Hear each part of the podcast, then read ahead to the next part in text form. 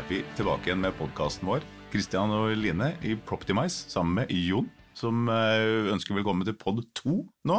Hva har skjedd siden sist? Mye. Kristian har vel sendt inn en søknad om å få hva du vil ha, 80 timers arbeidsuke. Det har vært fint. Ja. Det har passa bra for meg nå. Eh, og for deg, Jon, vi rekker jo ikke å fortelle deg alt, men nå har vi heller ikke noe sted å sitte. Hva? Så Blir kasta ut? Kontoret vårt forsvinner. Nei, vi blir ikke kasta ut, vi er leid ut. Ja, det var veldig kjapt. Vi rakk vel bare så vidt å flytte inn. Ja. Ja, fankeren. Ja.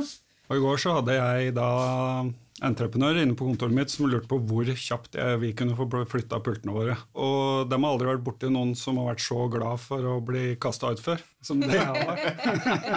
Så da er jo dette en henstilling til er det noen flere som har nye kontorer til oss, for da, blir de, da forsvinner de fort. Vi har lyst på flere pop-ups. Det ble en suksess. Eh, Men eh, for å ta det litt ned på, på oss, så må jeg jo takke eh, tidligere og nye kunder for å ha tatt kontakt med oss i etterkant av eh, oppstart. Det, det er jo veldig, veldig hyggelig. Og det, det setter vi stor pris på. Så vi er godt i gang med flere samarbeid. Noen nye allianser har vi også bidratt til å skape, så det blir spennende å ta tak i etter hvert òg. Men eh, samarbeid og godt i gang, Christian. Ja, det er det. Vi opplever jo det du sier, at det er veldig mange som, som strekker ut og har lyst til å få til ting, og som kanskje kommer med ei og annen floke til oss, siden vi er nye. Og så må han på en måte, han kan ikke ta alle flokene. Han må bestemme seg for uh, hvem er kulest, og hvem ser ut til å kunne se ut til å løse. Men det er kjempegøy å få, få alle på bordet, det er det. Og i dag så er det litt annen vri på podden. Vi har allerede i pod 2 fått med oss en gjest. Tenker jeg skal ønske velkommen til eh, Morten Hotvedt fra Neo Eiendom, som eh, sa ja til å bli med i vår andre pod. Eh, faktisk etter å ha hørt den første. Tusen takk for det. Takk for at du fikk komme. Veldig hyggelig. Det er fint å ha deg her. Nå sitter vi i et bygg du har en historisk relasjon til. Hva syns du om det? Å podde her? Du, vet du hva, Det syns jeg er veldig morsomt, å sitte her i Spor X eh, og få lov å være med og spille inn podkast her. Det var jo noe av ideen veldig tidlig når vi kjøpte eiendommen, og også skape et byliv også gatelangs her, med, med en, eh, et podkaststudio som var synlig fra gata. Og nå sitter vi her, og vi ser ut på gata, og det syns jeg er litt morsomt. Du var egentlig da denne eiendommens eh, pappa litt, du da, Morten? Er det riktig å si? Ja, det syns jeg må være lov å si. Jeg var jo med på å kjøpe eiendommen eh, tidlig. Vi så jo at det, det lå jo eh, en enetasjes bygning her eh, som eh, absolutt eh, trengte å bli utvikla. Så, så når vi fikk, eh, fikk hånd om eiendommen, så snudde jo vi opp. Noen hadde jo tenkt å bygge bolig her, men vi så jo det at kontor er jo greia for å skape liv og, og røre, og det har jo vist seg. Jeg tror bygget er fullt utleid nå. Absolutt. Du sier vi, Morten. Eh, Vi var kanskje litt kjappe, Jon. Kort introduksjon av Morten. eh, Det hadde jo du. Enea og Eiendom. Morten har jo tidligere mm, akslet eh, leder, ledertrøya i Vestaksen Eiendom, så, så det var jo i den tiden Sporex oppsto. Og for mange nå så er jo du kjent som den som har bygget Oda, blant annet, på Liertoppen, Morten. Med alt hva det har betydd av arbeidsplasser også for, eh, for Drammen og omegn. Eh, Nå er du også i gang med Tesla i Kobbervikdalen sammen med Drammen kommune eiendomsutvikling. Så du har blitt en eh, betydelig aktør som får til de utroligste ting, da. Sett fra vår side. Det syns vi er veldig gøy. Ja, og Der kommer jo, der kommer jo det første spørsmålet mitt. For vi har jo i Proptimize så sier vi jo vi det at uh, suksess er ikke tilfeldig. Eh, og det er noe vi lever etter, så hver gang vi har suksess, så lurer vi på hva var grunnen til dette her. Hvorfor fikk vi det til denne gangen? Så det blir det første spørsmålet mitt til deg, Morten. Du har tydeligvis hatt suksess mye av det du gjør. Hva vil du si er ikke tilfeldig rundt det? Det er jo hyggelig å høre at man tenker det. Um, jeg tenker jo det at um, for det første, i en sånn tidlig fase, så, så tror jeg man var litt nysgjerrig. Jeg er ekstremt nysgjerrig, så jeg er veldig opptatt av å finne ut hva er, hva er greia til de forskjellige bedriftene. Hva er det som skal til for at de eh, ønsker å flytte på seg. Mm. så det å være nysgjerrig og åpen overfor eh, for bedrifter tror jeg er ett poeng. Og så må du, når du driver med, med, med utvikling av eiendom, så må du være ganske tålmodig. Du må ha en stayerevne. altså ting er fram til å få signert den leieavtalen, men noe av suksessen f.eks. med Oda er jo gjennomføring av hele prosjektet, og at Oda har fått et fantastisk sted å være. Da. At, at de bedriften lykkes når de setter i gang å produsere. Det, det tror jeg er eh, viktig. Eh, for det er jo noe av det som skaper ny business seinere. Så, så, det å ikke gi seg Nå, det, nå skal vi gå ettårsbefaring allerede på Oda, og da er det viktig å gjøre en god jobb også på det. Få med seg halen. Ikke gi seg før alt på en måte funker og er på plass. Ja. Det tror jeg er eh, noe av greia, i hvert fall for min del. Du skal jo òg ha litt fantasi når du eh, starter opp og kjøper et bygg, og så klarer du å se for deg at eh, der skal det ligge et podkaststudio på gateplan som skal skape liv. Du må ha en ganske god fantasi rundt eh, hvordan det praktiske sys sammen med de mulighetene som ligger da.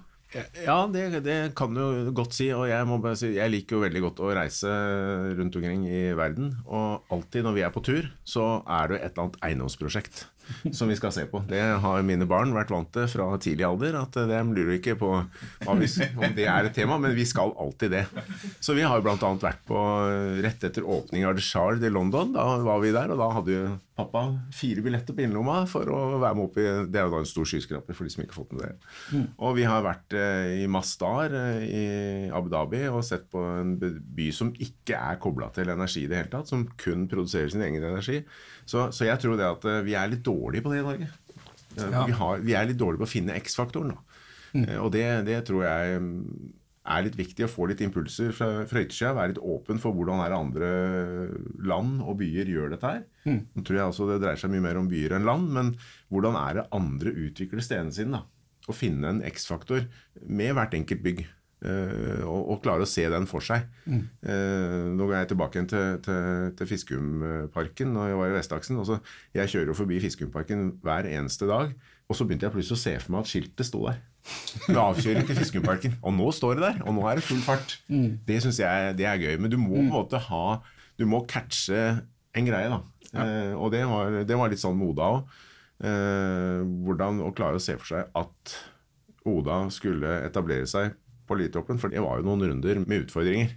Men uh, når vi så plutselig at dette her begynte å gå, og, og de i organisasjonen til Oda også så det, da begynner ting å, ting å skje. Da. Men det er viktig å klare å se det for seg. Og det podkaststudioet er, det, og det er sånn som gateplan ligger her, det, det så vi tidlig. Er det riktig å si, Morten, at uh, man må tørre å drømme? Man må tørre å satse, man må tørre å tenke litt ut av boksen?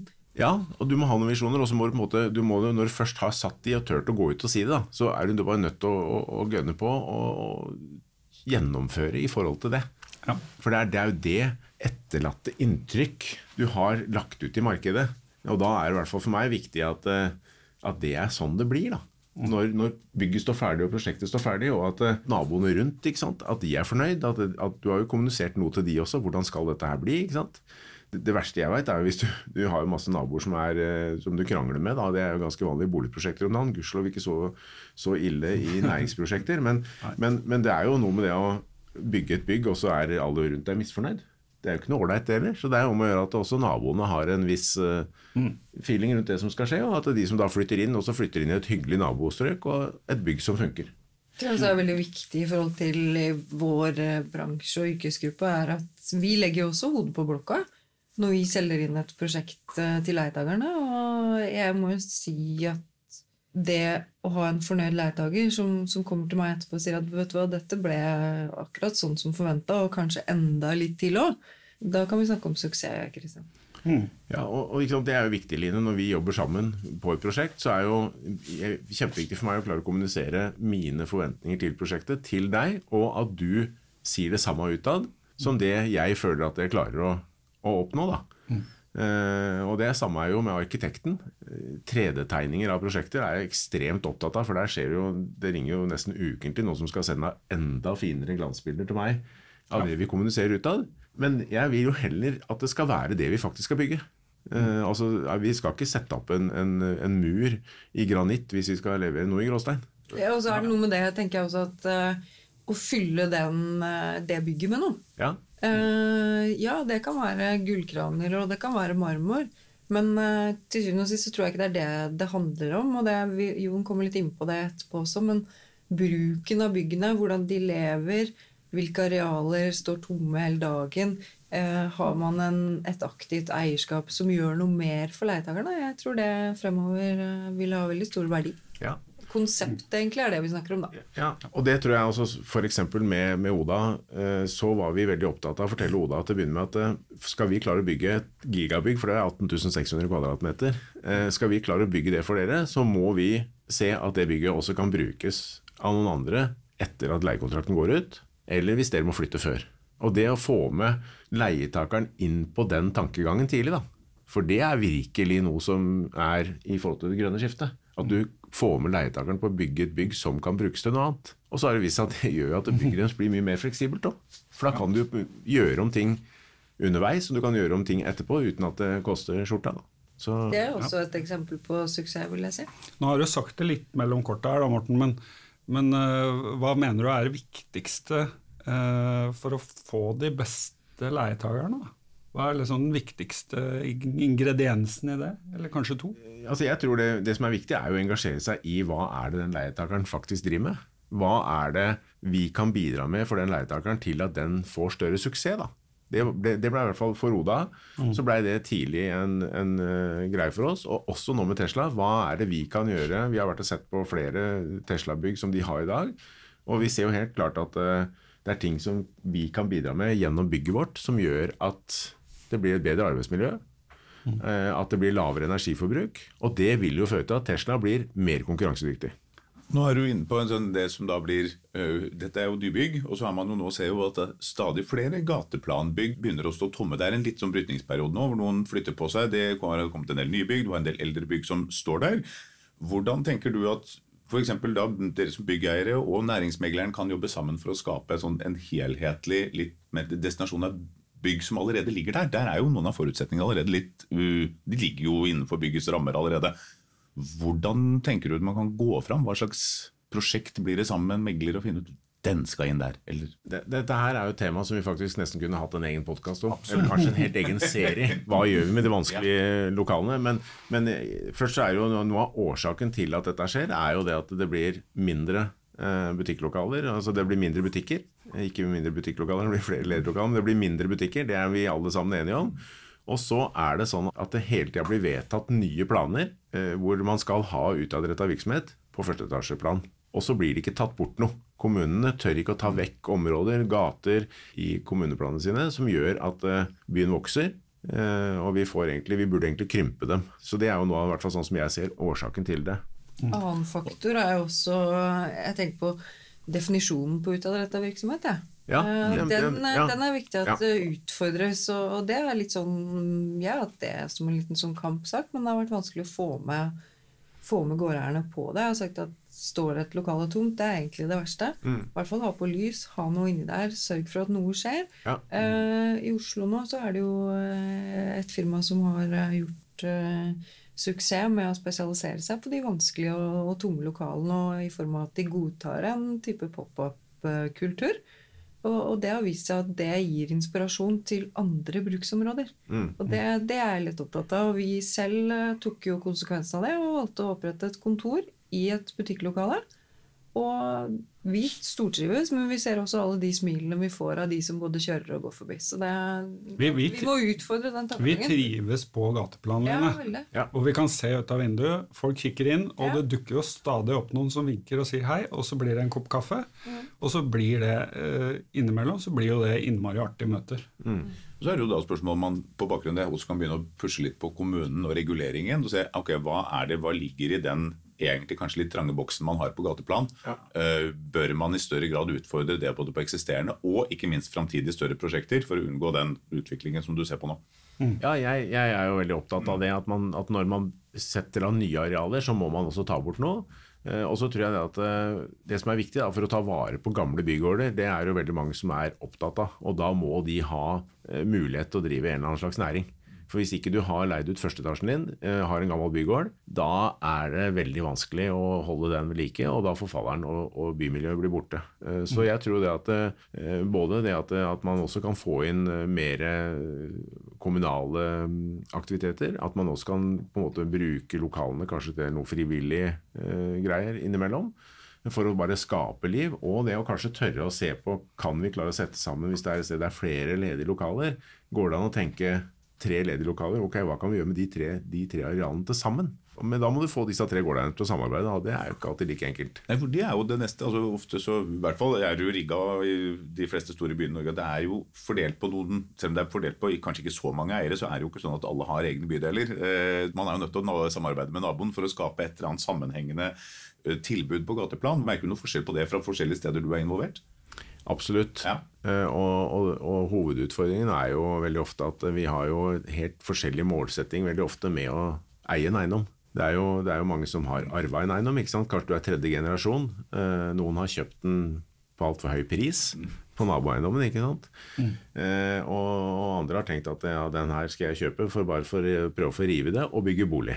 Så de vil ikke at noe skal skje òg. Mm. Det er jo kanskje hovedutfordringen mange steder. At mange ønsker egentlig at det ikke skal skje noe. Så det er jo den biten som, som jeg tror er utfordrende. Jeg tror det at der kan kanskje politikerne være enda mer på ballen og si at eh, hvordan er det vi faktisk ønsker at det skal være her, istedenfor å bry seg for mye om hver enkelt garasje eller reguleringsplan eller fasade eller hva det er, men heller gå mer på innholdet da, og si hva er det vi ønsker oss i byen.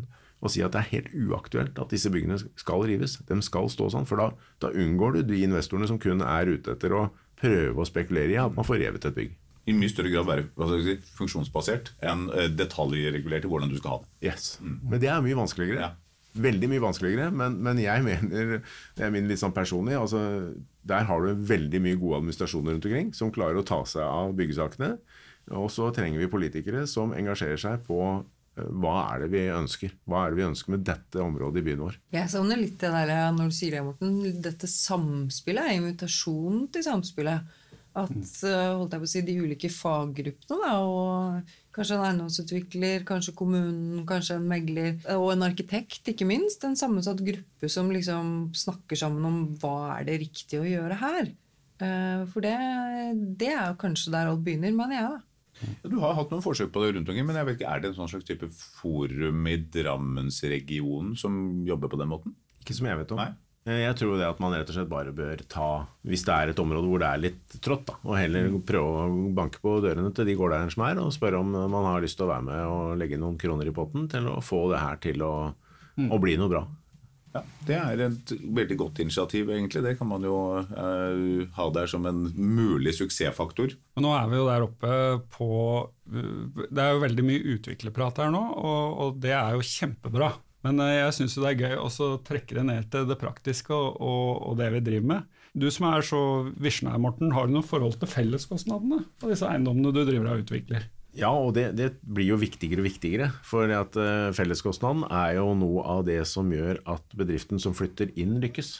Så, så, sammen med, med, deg nå, Christian, så må jeg virkelig fått opp øya for Boiler. hvordan du skal styre dette med felleskostnader, og hvordan du faktisk skal håndtere det framover. Eh, det vi ser nå i dag, er at det er veldig lite fokus på drift av nybygg eh, mm. når vi bygger og prosjekterer. Det har vi hatt mye mer fokus på nå. Eh, og det å ha fokus på hva er det faktisk felleskostnadene blir etter at bygget er ferdig, mm. og ha en seriøst budsjett rundt det og seriøse tanker rundt det. Mm. Eh, og tenke også det når vi velger løsninger. Hva, hva gjør det her med felleskostnaden?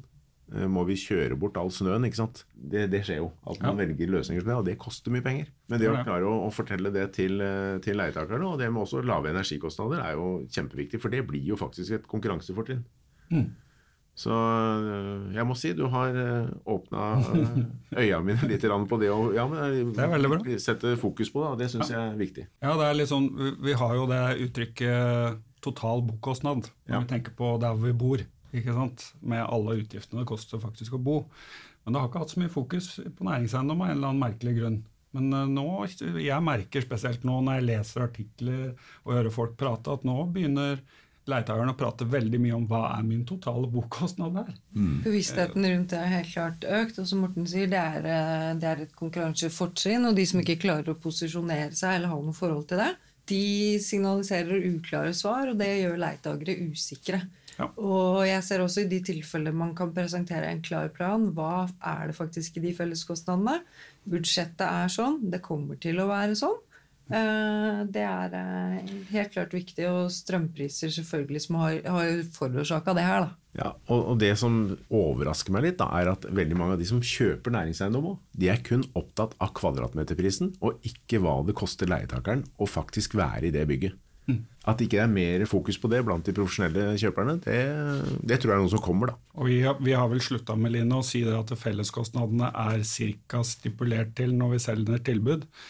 Vi lager felleskostnadsbudsjettet for eh, kundene våre, så vi er vel på på noen eiendommer så har vi vel produsert felleskostnadsbudsjett for 2024 og til og med 2025 eh, for å ha et konkret svar når eh, vi er i en, utleie, en utleieprosess. Så det Altså Det som jeg synes er bra med det som du har spilt inn, da, Christian, det er jo dette her med servicekostnad. Ja, altså Felleskostnad er én ting, men servicekostnad, hvilket servicenivå ønsker du? Det er jo veldig lite fokus på. For alle skal jo ha mest mulig, men betale minst mulig. Så, så, det å dele opp det, det tror jeg gjør at du får mye mer innvirkning fra leietakerne også på, på det. da. Og Du får jo en bevisstgjøring også av begge parter i avtaleforholdet. altså Hva kan jeg forvente meg på vei inn i den avtalen? Og Det er jo det beste man kan ha på vei inn. i Ulempen er jo det øyeblikket du står midt inne og du har to helt forskjellige syn på hva du faktisk syns du skal få av uh, avtalemotparten din. Som jo også kan skli litt inn på sånn energikostnad på nybygg. og det, Dette er jo én ting. Man kan jo rigge det i større grad underveis i leieforhold. altså Nå er vi jo inne på energi. Det er jo en, stort sett det man,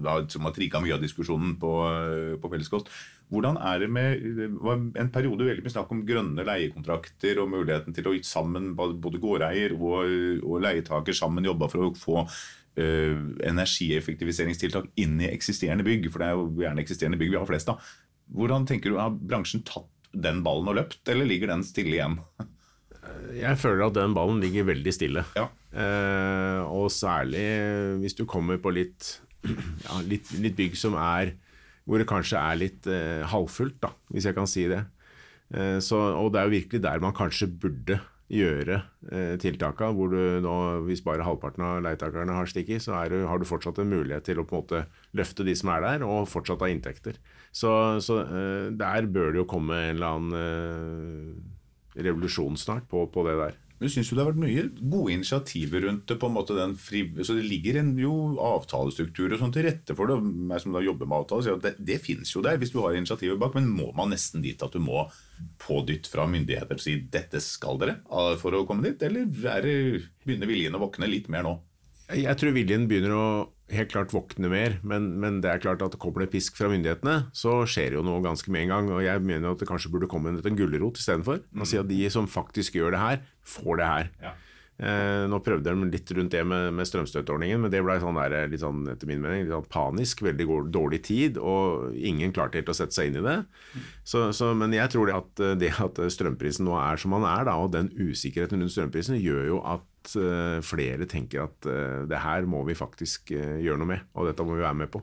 Så verktøyene er der. Det er jo egentlig bare å prøve å sette seg sammen, både leietakere og grører, og prøve å, å, lage noe. For det er jo, tenker du langsiktig, så er den investeringen gjort. Ja, og så tror jeg jo at dette handler veldig mye om kommunikasjon du oppretter med leietakeren din. Ja. Eh, ikke sant? For at, eh, så lenge er, du har en tilnærming som er sånn Nå skriver vi leiekontrakten. Eh, nå sørger vi for at de får lokalene her. Og så er det litt sånn som eh, vi kaller det i Forsvaret fire and forget. Ikke sant? Nå er leiekontrakten oppe. Eh, leiefakturaene går.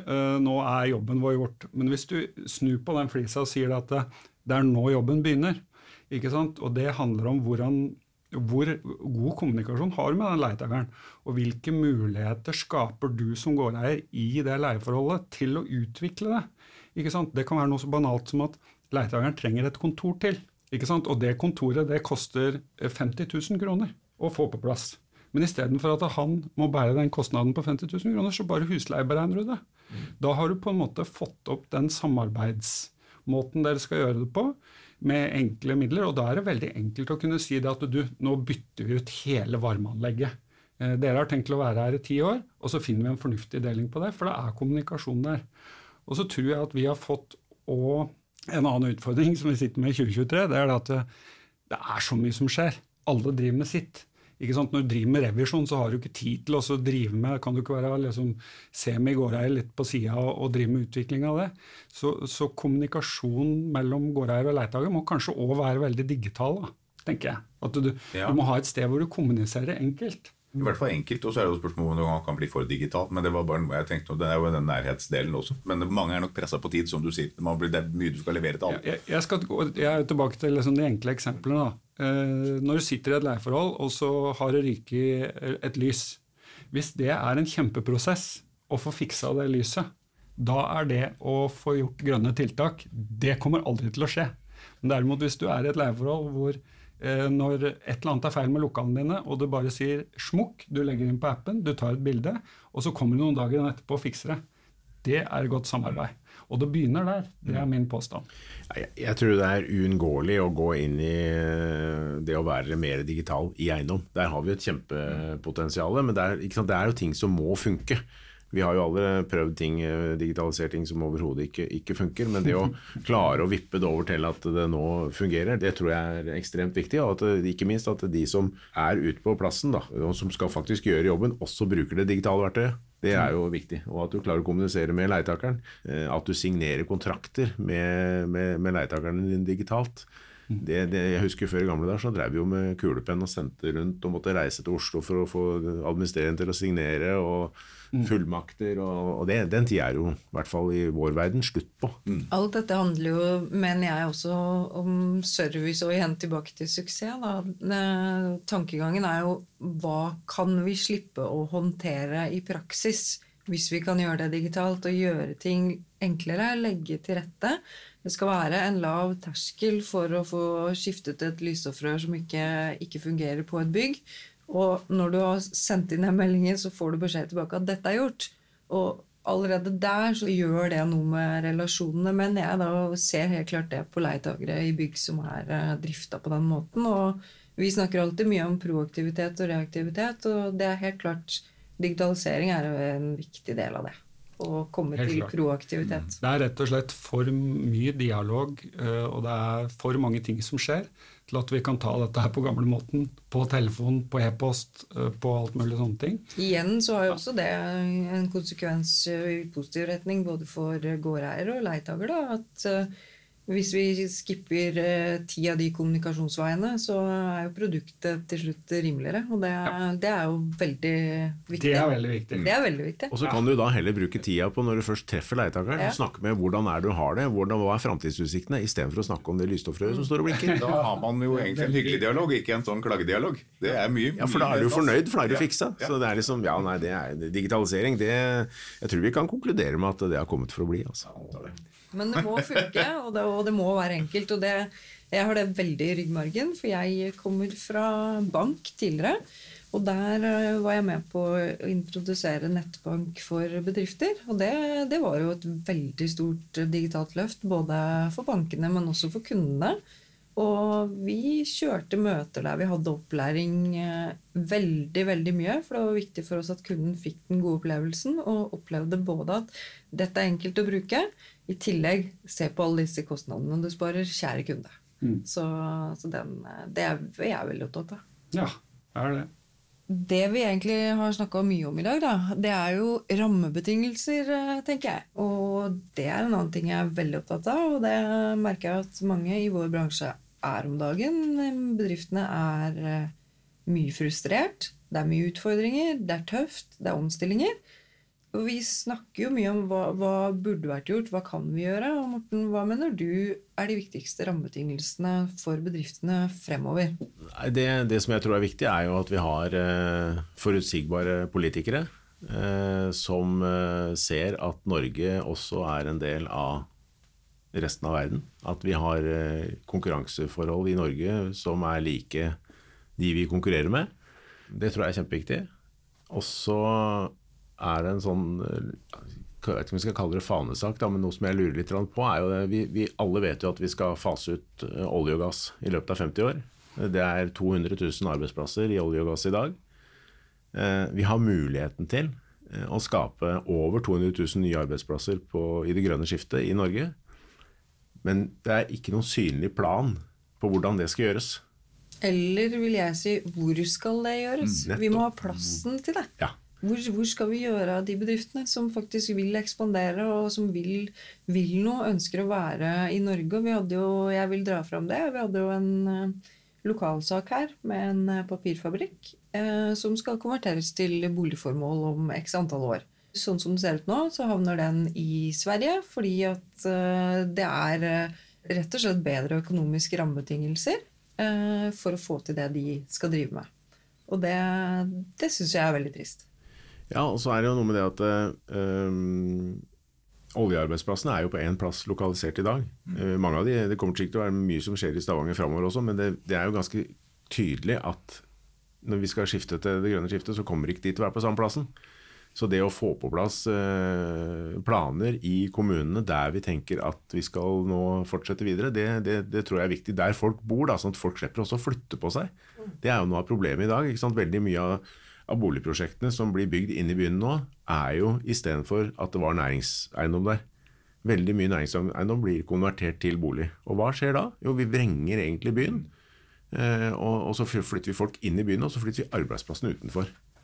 Eh, og det, det, tror jeg er at man må se mye tydeligere på det. Hvor er det det faktisk eh, skal legges til rette? Og der er svenskene veldig mye flinkere enn oss eh, til å legge til rette med veldig mye mer næringseiendom. Det er mer enn nok eiendom å få kjøpt i Sverige. I Norge er det jo altså Der har vi jo Hanekleiva nå vest for Oslo, som er det første området som, som er byggeklare tomter for, for næringseiendom langs E18. Mm. Og det, det, er noe jeg virkelig tenker at politikerne er nødt til å ta tak i på et nasjonalt nivå, og pålegge kommunene å avsette mer områder til, til næringseiendom eh, framover. Eh, nå, er det jo, nå har vi jo snakka mye om utfordringer og, og kasta opp en del baller rundt det. Og så, som jeg sa, det er, eh, det er høy endringstakt eh, i næringslivet. Mye å forholde seg til. Og vi har jo vært igjennom noen tøffe år med pandemi og ja, økte priser på alt, så det er klart at det er belastningen på, på folk og bedriftene den begynner å bli stor. Eh, og så tenker jeg på det å være leder oppi dette her. Eh, det er nok ganske annerledes enn for eh, 5-10 år siden, tror jeg. Så jeg er litt sånn nysgjerrig på du, Morten, som har uh, erfaring fra det på ulike sektorer. Hva syns du kjennetegner en god, god leder? I hvert fall de som, de som jeg ser, ser, opp til i forhold til det, det er jo de som er eh, langt framme i skoa, som tør å se, eh, se framover. Som tør å, å investere og, og, gjøre prosjekter som er eh, virkelig forberedt for det grønne skiftet, og, og, hvor man tør å gå ut og, og si at det her er noe av det som vi, vår bedrift, vår næring, står for. da. Eh, det, det, tror jeg er viktig.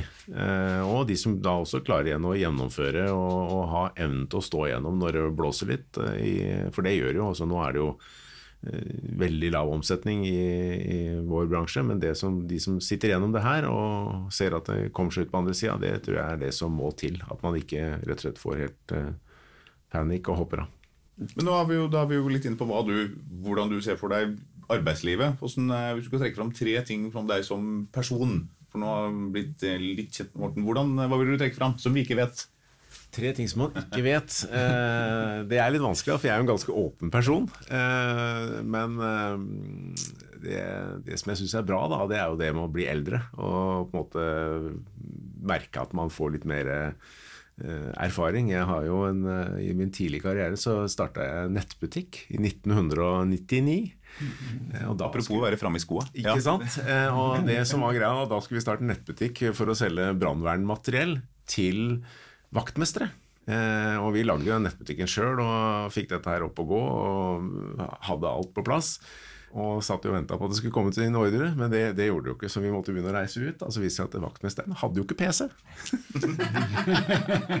så den kjenn kunden din var på en måte ikke helt i mål? Ja, helt, helt totalt feil. Uh, vi hadde til og med egen, jeg husker jeg hadde en rød Audi med brannbutikken.com og greier på. og det, var, det vi fikk flest treff på på den, det var jo faktisk da fra Bergen. og Vi skjønte jo ikke hvorfor det. Det var jo selvfølgelig et fotballag der borte som het Brann.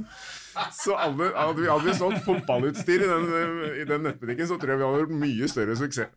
Men det, det synes jeg er, det er sikkert ikke så veldig mange som veit. Uh, utover det så er det, det er ikke så mye hemmeligheter. Altså, å si det. Du er jo ofte å finne på en topp, da. Jeg er veldig glad. Hver helg. Ja, ja. Er spesielt én topp som er litt din, har du ikke det? Jo, Langvannstoppen på Kongsberg den er jo liksom litt sånn, eh, ligger jo eh, veldig nært der jeg bor. Og så er det en lokaltrim. Eh, Det er viktig. Eh, Men det, er jo, det vet jo alle, så det er en hemmelighet. Men eh, det, det tenker jeg at nærtrim er jo utrolig viktig. og det å, Jeg er veldig glad i å komme opp, om det er høye bygg eller fjelltopper, å komme opp og få litt utsikt og se utover. det jeg syns det er meningsløst å gå rundt en fjelltopp, liksom. det, det får jeg ikke til. Eh, lokalt og, og, og nærtrim. Eh, vi kommer fort inn på Kongsberg, eh, som er der du er fra, og der du bor, og et sted jeg vet at du brenner veldig for. Du, du er aktiv, men eh, hva er det beste med Kongsberg for deg?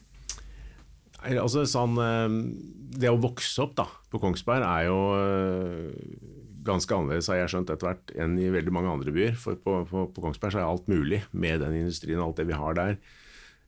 Så er det jo veldig mange ting som, som vi tenker annerledes på, det har jeg merka. Men noe av det som jeg kanskje setter mest pris på, er jo det å eh, Du kan jo ha på vekkerklokka til klokka åtte og stå opp, spise en god frokost.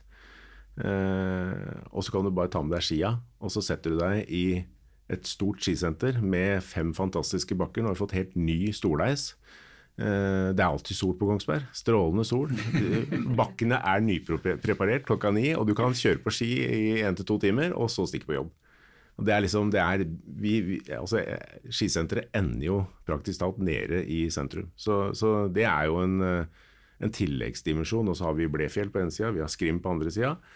Eh, Så vi bor jo veldig bra til sånn sett, samtidig som det er eh, kort vei til Oslo og Drammen. Og, så det er noe av det jeg setter mest pris på, er Mulighetene. ja, mulighetene. Og det å, å ha ting så nært. da. Kristian, jeg ser du sitter og verker litt nå. Ja, Har men du, altså, jeg- nå jeg, jeg bare- å komme med noe. Jeg bare så det at det var eh, Det har liksom blitt ei sånn Kongsberg-side, her hvor jeg og Morten sitter, og så er det sånn Drammen-side, der hvor dere to sitter. det ikke sant? ikke på. Og dere sitter litt øst for oss, så det stemmer. Ja. Nei, så jeg, jeg backer det Morten sier her. Kongsberg er kjempespennende by. Veldig mye kvaliteter. Eh, og så er det utrolig mye som skjer der. Og så er Kongsberg er jo på en måte styrt av noe annet enn det resten av landet er. Siden vi driver og produserer eh, både våpen og ting for eh, olje og litt forskjellig, så den har litt annen konjunktur enn det resten av landet har noen ganger. Så det betyr at når andre steder går ned, så kan Kongsberg fortsatt gå veldig opp. Så det er, det er litt sånn rart å, å fint sted. Absolutt. Og nå har vi også fått eh, noe som heter Kongsberg Agenda. Som eh, er eh, noe jeg vil absolutt anbefale alle å sjekke ut. eh, For der er en samlingsplass for teknologi en gang i året nasjonalt. Som jeg vil anbefale alle å ta seg en tur til. Ja, Kongsberg Agenda, kanskje det hadde vært et sted å befinne seg for Proptimize når det står på planen? Når er det? Er det i juni? Det er i uke 25, og jeg må jo absolutt si det at det hadde vært hyggelig hvis dere kunne komme til Kongsberg og spilt inn en Proptimize-pod da. Det gjør vi garantert. Tar den utfordringen på, på Kongsberg. strak arm, vet du. Kjempebra. Jeg ser at du brenner inne med noe mer, Kristian. Det gjør du alltid. Ja, jeg er jo, liker jo å stille noen spørsmål som er litt sånn kontroversielle, kanskje. Eh, og som jeg kjenner litt på, at det er noen der ute som stiller det spørsmålet og kanskje mener det her, og det er Er det alltid megleren sin feil når et lokale ikke blir leid ut? Kan vi skylde på megleren for det hver gang? Jon, har du hørt det før? Ja, det er, vel, det er jo alltid enkelt å skylde på noe som er utenfor seg selv. Det er jo ikke noe tvil om. og Hvis man som eh, gårdeier skal prøve å peke på noen, så er det jo fint enkelt å vise en litt sånn pekefinger til den man har inngått en avtale med at skal hjelpe deg med akkurat det.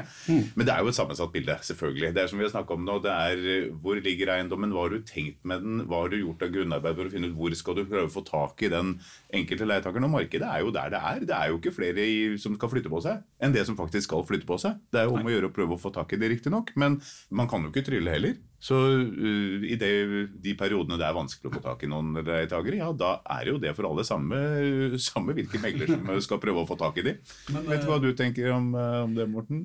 Jeg er er veldig enig i det. Og så er jo en, en, Hvis det er en bygård som er 50 år gammel, så har jo den bygården 50 års historie. Uh, hvis det er en veldig god historie, så er det jo en litt enklere jobb for megleren enn hvis den har en dårlig historie, og hvis man har leid ut til man, altså Det jeg er veldig opptatt av, er å tenke på hvem andre er du skal ha inn i bygget når du leier ut. Eh, Det er, blir leietakerne mer og mer oppmerksom på. Og så kommer det an på da også eh, hva slags rammebetingelser eh, har megleren. Er det, er det en gårdeier som har penger til å investere og få på plass en ny leietaker, eller tenker man at eh, hele regninga skal lempes over på leietakeren som skal flyttes inn? Så øh, jeg prøver i hvert fall ikke å tenke sånn når vi skal løse ting. Da er det en dialog mellom, øh, mellom megler og, og oss. Og så det å sitte og fordele skyld, det syns jeg er litt sånn La en god plan på vei inn i det. Sånn at Igjen er vi på forventningsavklaring på hver side av avtalen. Hva, er, hva har du forventa den du har avtale med, og hva, du, og hva bidrar du selv med inn i det? Ja. For å dra det på den andre sida, da. Er det megleren sin skyld når vi har suksess? Da er det jo alltid det fantastiske lokalet som er leid ut. Ja, ja. Selvfølgelig, da hadde jo bare, Det var jo en walk in the park for en megler da. Er ikke det, Line? Du ble litt stille nå.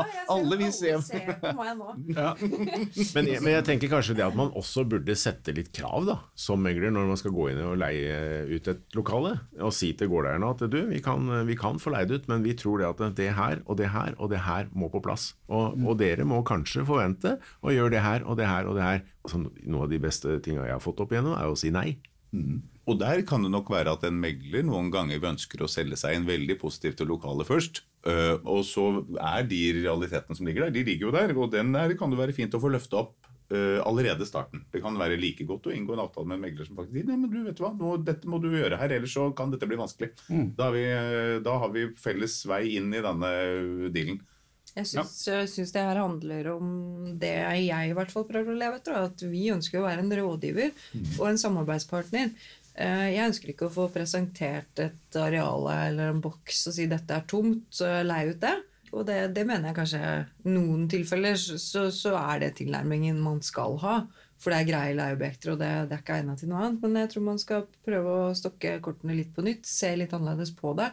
Kan vi, kan vi gjøre noe? Og det er jo den optimaliseringa vi, vi prøver å få til. Da. Så svaret på spørsmålet er eh, jeg, har, jeg har jo lyst til å si nei, det har jeg aldri vært borti. Men, eh, men eh, du sa også en ting i stad, Morten. Det å tørre å stille krav.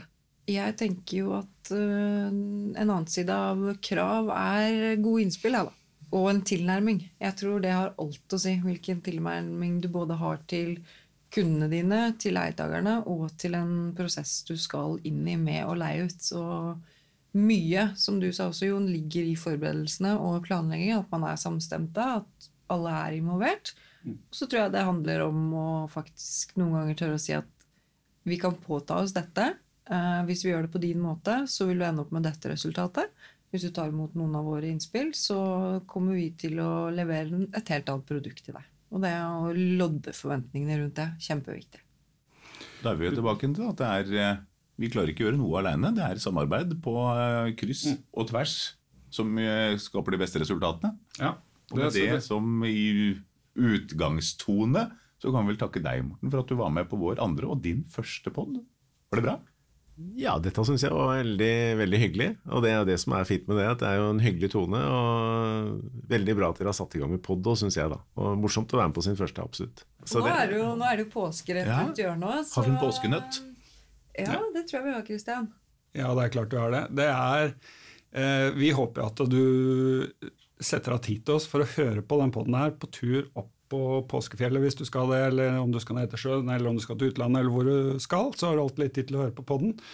Men etter at du er ferdig med den podden, så uh, er påskenøtta har du full kontroll på hva felleskostnadene er på eiendommene som du eier eller leier eller har ansvar for. Det er påskenøtta. Så da sier vi takk for i dag og god God påske. God påske.